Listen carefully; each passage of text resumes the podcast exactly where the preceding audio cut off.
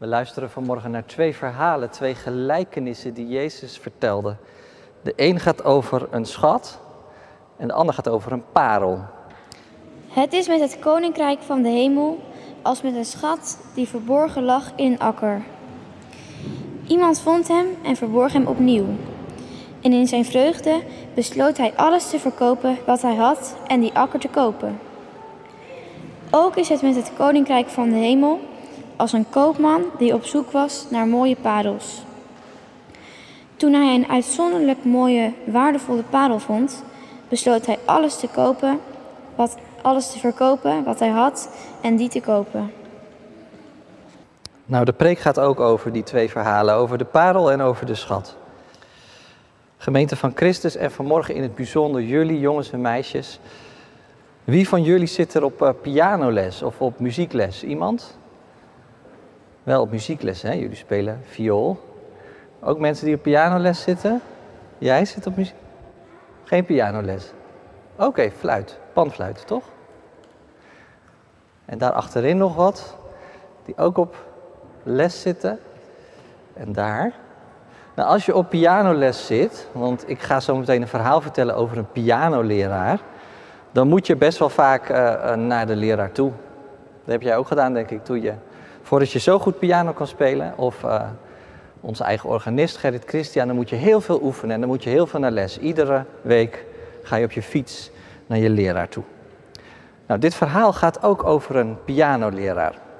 Stel je voor dat jij op pianoles zit en dat je les krijgt van iemand die heel goed piano kan spelen. Zo goed dat hij af en toe naar het buitenland gaat om concerten te geven. En stel je dan eens voor dat je op een goede dag op de fiets naar je pianoleraar gaat. En als je bij zijn huis aankomt rijden, dan zie je eigenlijk iets heel geks. Want hij loopt een beetje driftig rond in de tuin. En hij heeft allemaal bordjes onder zijn arm. En op die bordjes staat, en net zulke bordjes als ze daar net hadden, daar staat te koop. Staat daarop. En een paar heeft hij op zijn huis geplakt al. En hij heeft er eentje op zijn auto geplakt. En je denkt, wat is hier nou aan de hand? En vervolgens ga je naar binnen en daar zie je dat de vrouw van je pianoleraar met haar mobiel allemaal foto's aan het maken is van de bank en de tafel en de stoelen. En dat gaat ze allemaal op marktplaats zetten op de laptop. En die zegt ook al van ik wil alles verkopen. Alle beetjes helpen. Nou, jij denkt wat is haar nou aan de hand? En gelukkig komt hij dan binnen, je pianoleraar, en dan vertelt hij wat er aan de hand is. Weet je wat er aan de hand is? Hij zegt, ik heb in Duitsland een concert gegeven op een piano. En nou, de ene piano is de andere niet, hè? En daar zat zo'n hemels geluid in. Dat was zo mooi. Daar werd ik zo ongelooflijk blij van. Die piano die wil ik kopen. Die vleugel. En een concertvleugel is best wel duur. Ik heb eens even zitten kijken. Sommige concertvleugels kosten wel 2,5 miljoen euro. Nou, deze niet. Maar er was in ieder geval niet genoeg voor hem om zomaar te kopen. Dus hij dacht, weet je wat, ik verkoop mijn huis en ik verkoop mijn auto en ik verkoop mijn oude piano en al mijn muziekboeken en alles. En dan heb ik precies genoeg om die ene piano te kopen. Weet je waarom? Ik wil erop spelen en ik wil dat geluid horen. Want daar word ik zo blij van. Nou, dat is natuurlijk een beetje een gek verhaal. Hè? Maar Jezus vertelt wel zo'n verhaal. Eigenlijk een beetje hetzelfde. Wat Jezus vertelt over die schat in de akker en over die parel, is eigenlijk precies hetzelfde. Dat eerste verhaal gaat over een parelkoopman. En een parelkoopman die handelt in parels. Nou, ik weet niet of jullie weten wat een parel is. Ik denk het natuurlijk wel. Het is eigenlijk een kraaltje. Ik heb er eentje meegenomen. Zo klein. En zo'n kleine parel kan al heel erg veel geld waard zijn. Als je hem dichtbij hebt en, en je houdt hem in het licht en je draait hem een beetje, dan, dan verandert hij soms heel mooi van kleur. En iedere parel is ook weer een beetje anders. En daarom is de ene parel ook veel meer geld waard dan de andere parel. En die parelkoopman die heeft op een gegeven moment een parel gevonden en die is zo mooi. Als hij hem ziet, dan wordt hij er zo blij van dat hij zegt, die wil ik kopen. En nou ja, dan verkoopt hij alles wat hij had. Weet je waarom parels zo duur zijn? Omdat ze op de bodem van de zee groeien, in oesters. En ik las ook ergens dat als je een parel wil hebben, dat je dan wel 250 kilo aan schelpen moet opduiken. En die parels die liggen soms wel 20 meter diep. Dus duikers die moesten 20 meter naar beneden duiken en dan moesten ze oesters mee naar boven nemen. Wel 250 kilo, dat zijn misschien wel vijf wasmachines, zo zwaar. En er zat er één zo'n piepklein pareltje in. Nou ja, daarom waren ze zo duur. En deze koopman die vindt een parel die hij zo mooi vindt dat hij hem wil kopen. En dat hij alles koopt. Weet je, wie zou die parel nou zijn? Of wat zou die parel nou zijn? Of wie? Hebben jullie een idee?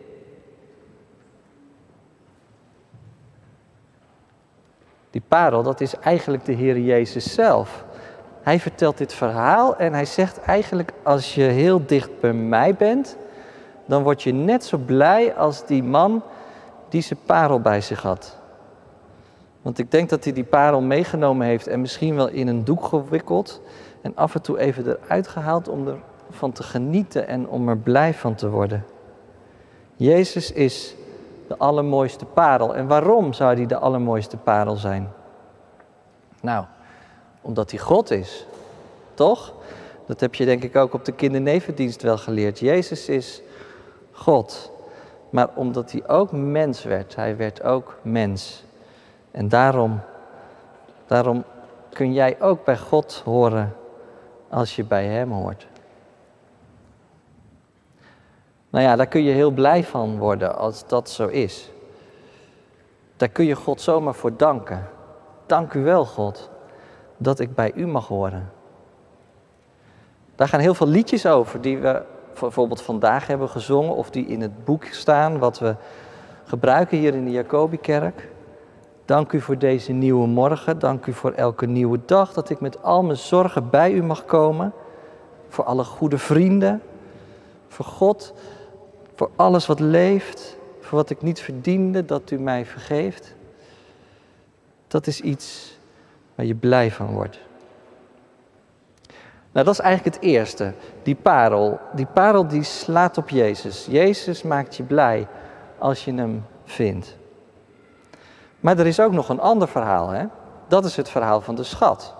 Zou dat nou precies hetzelfde betekenen? Nou, ongeveer wel, maar het is ook nog een beetje anders. Want als de parel gaat over Jezus, dan gaat de schat eigenlijk over de mensen die bij hem horen.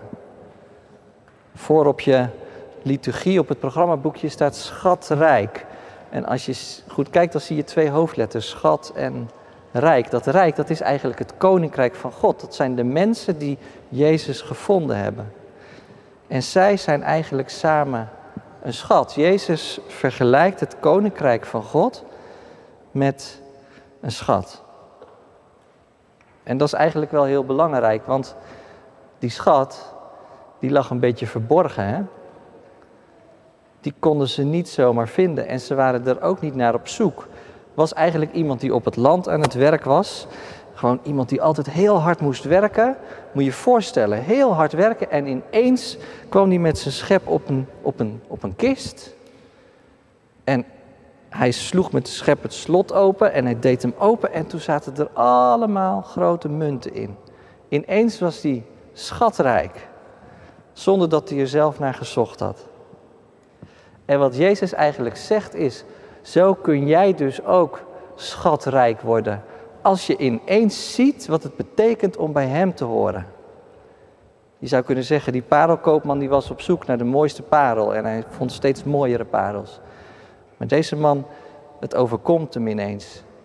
En wat zou dat nou betekenen voor ons? Nou, ik denk dat het in ieder geval betekent dat het koninkrijk van God, dat je bij God mag en kunt horen, soms verborgen is. Dat is ook voor de ouderen in de kerk wel belangrijk om te bedenken. Maar dat je aan de andere kant die schat ook soms zomaar kunt vinden. Dat ineens het kwartje valt en dat je denkt van inderdaad, Wat is het goed om bij God te horen? Ik zou één voorbeeld willen geven. Een aantal van jullie die waren er bij de catechisatie al bij, hè? Afgelopen seizoen. En ik moest denken toen ik hierover nadacht aan een catechisaties. Ik denk ergens in januari of zo. Toen we een kringgebed gingen doen. Misschien kun je je dat nog herinneren. En een van jullie die bad toen voor mij. En voor het kindje dat mijn vrouw in haar buik had. En dat vond ik zo bijzonder. Dat ik dacht van, dat is dus wat het betekent om samen in God te geloven. Dat je voor elkaar bidt. En daar werd ik zo ongelooflijk blij van. En dat is toch mooi, dat je zo aan elkaar gegeven bent. Dan ben je inderdaad schatrijk. Nou zijn er vanochtend ook een paar tieners in de kerk, wat ouderen, die al een tijdje geleden van de kindernevendienst zijn afgekomen. Misschien denk je, zo'n kinderdienst vind ik meer iets voor mijn kleinere broertje of zusje.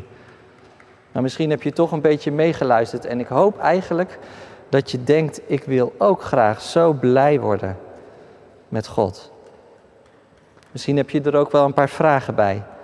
Zeg je, ik wilde dat het waar was, dat, dat kerk zijn inderdaad een schat is. En dat Jezus een parel is. Maar wat zie ik ervan thuis of op school of om me heen? Wat merk ik nou van Gods nieuwe wereld? Dat is een vraag die echt wel gesteld mag worden.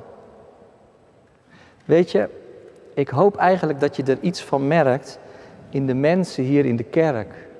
De mensen om je heen met wie jij samen gelooft.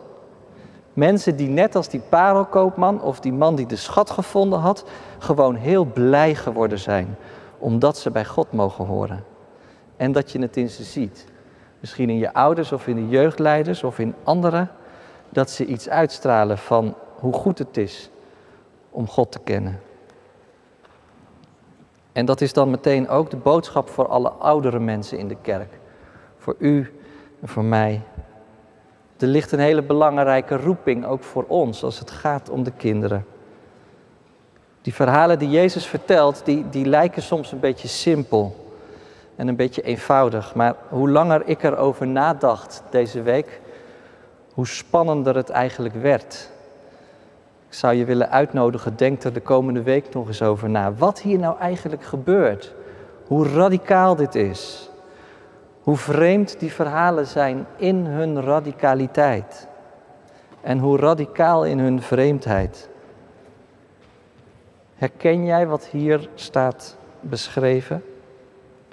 Namelijk dit, dat je blij bent geworden met God en dat anderen daarom aan je kunnen zien hoe goed het is om in het koninkrijk van God te leven. Maar moet ik dan alles verkopen wat ik heb? Net zoals die concertpianist uit het begin?